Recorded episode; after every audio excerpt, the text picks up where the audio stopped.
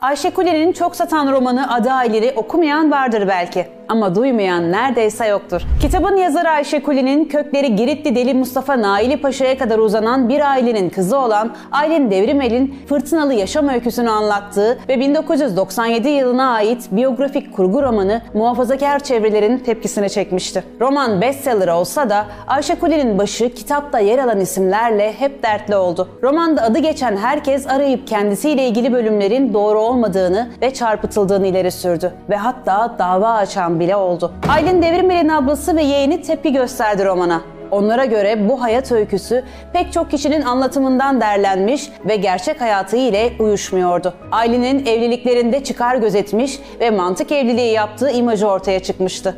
Kitaptaki Aylin karakterinin hiçbir konuda endişesi yoktu ve bu ailesini çok rahatsız etti. Aileye göre bu roman asla bir Aylin Devrimel biyografisi değildi. Kaderindeki dönüm noktaları hep evliliklerine göre ayarlanmıştı. Oysa anlatacak başka şeyler de vardı.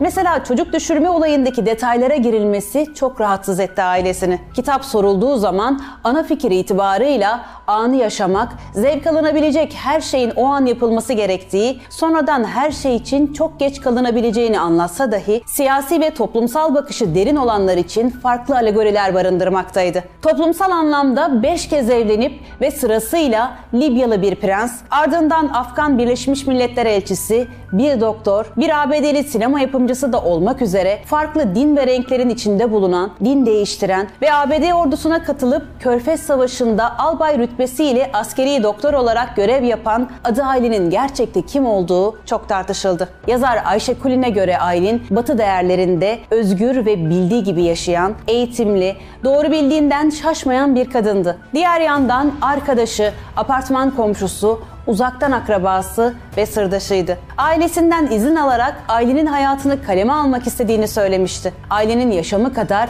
ölümünün de şaibe taşıdığı söylendi. ABD askerlerine moral olarak verilen ilaçların kendisine hasta diye tedavi amaçlı gönderilen bir askerin üzerinde yan etki yaptığını ve masum insanları sebepsizce katlettiği iddia edildi. Ve daha sonra ailenin cesedi bulunduğu anlaşıldı. Ölüm kayıtlara freak accident olarak geçti. Yani garip bir kaza. Dosya kapatıldı ve Aylin unutuldu.